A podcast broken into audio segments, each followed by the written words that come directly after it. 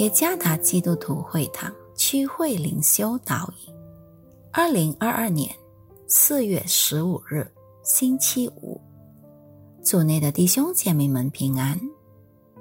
今天的灵修导引，我们将会借着圣经诗篇一百三十七篇第一到第六节来思想今天的主题：悲哀与盼望。作者。以马内利牧师诗篇一百三十七篇第一节：我们曾在巴比伦的河边坐下，一追想西安就哭了。我们把琴挂在那里的柳树上，因为在那里掳掠我们的要我们唱歌，抢夺我们的要我们作乐，说。给我们唱一首西安歌吧。我们怎能在外邦唱耶和华的歌呢？耶路撒冷啊，我若忘记你，情愿我的右手忘记技巧；我若不纪念你，若不看耶路撒冷过于我所最喜乐的，情愿我的舌头贴在上膛。许多挑战与痛苦在这个动荡不安的世界局势中随后发生了。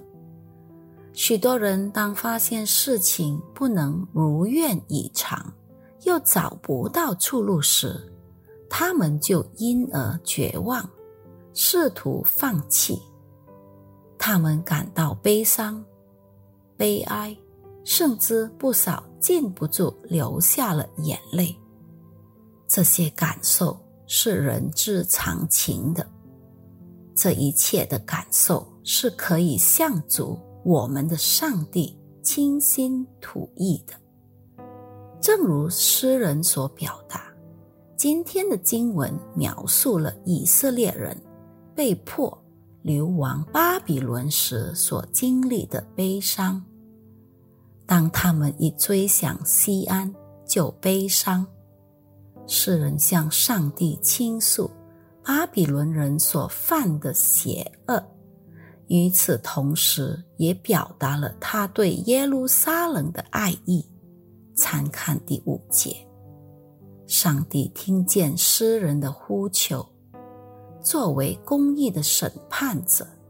上帝必定眷顾他所拣选的民族，并在他的时间向巴比伦人的邪恶报仇雪恨。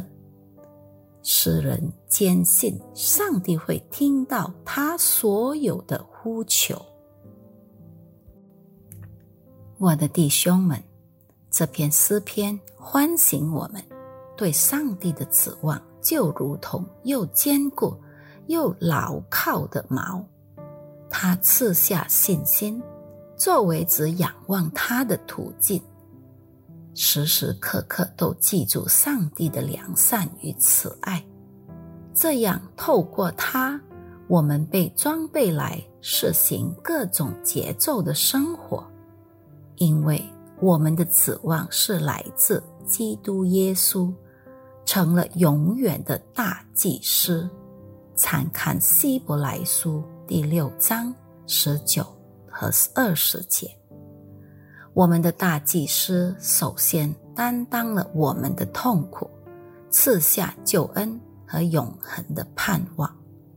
为我们牺牲的大祭司赐下力量，好让我们能克服发生在我们身上的每个问题与困难。一切的悲哀与悲伤都能带到主耶稣面前，因为他就是我们永远的大祭司。愿上帝赐福于大家。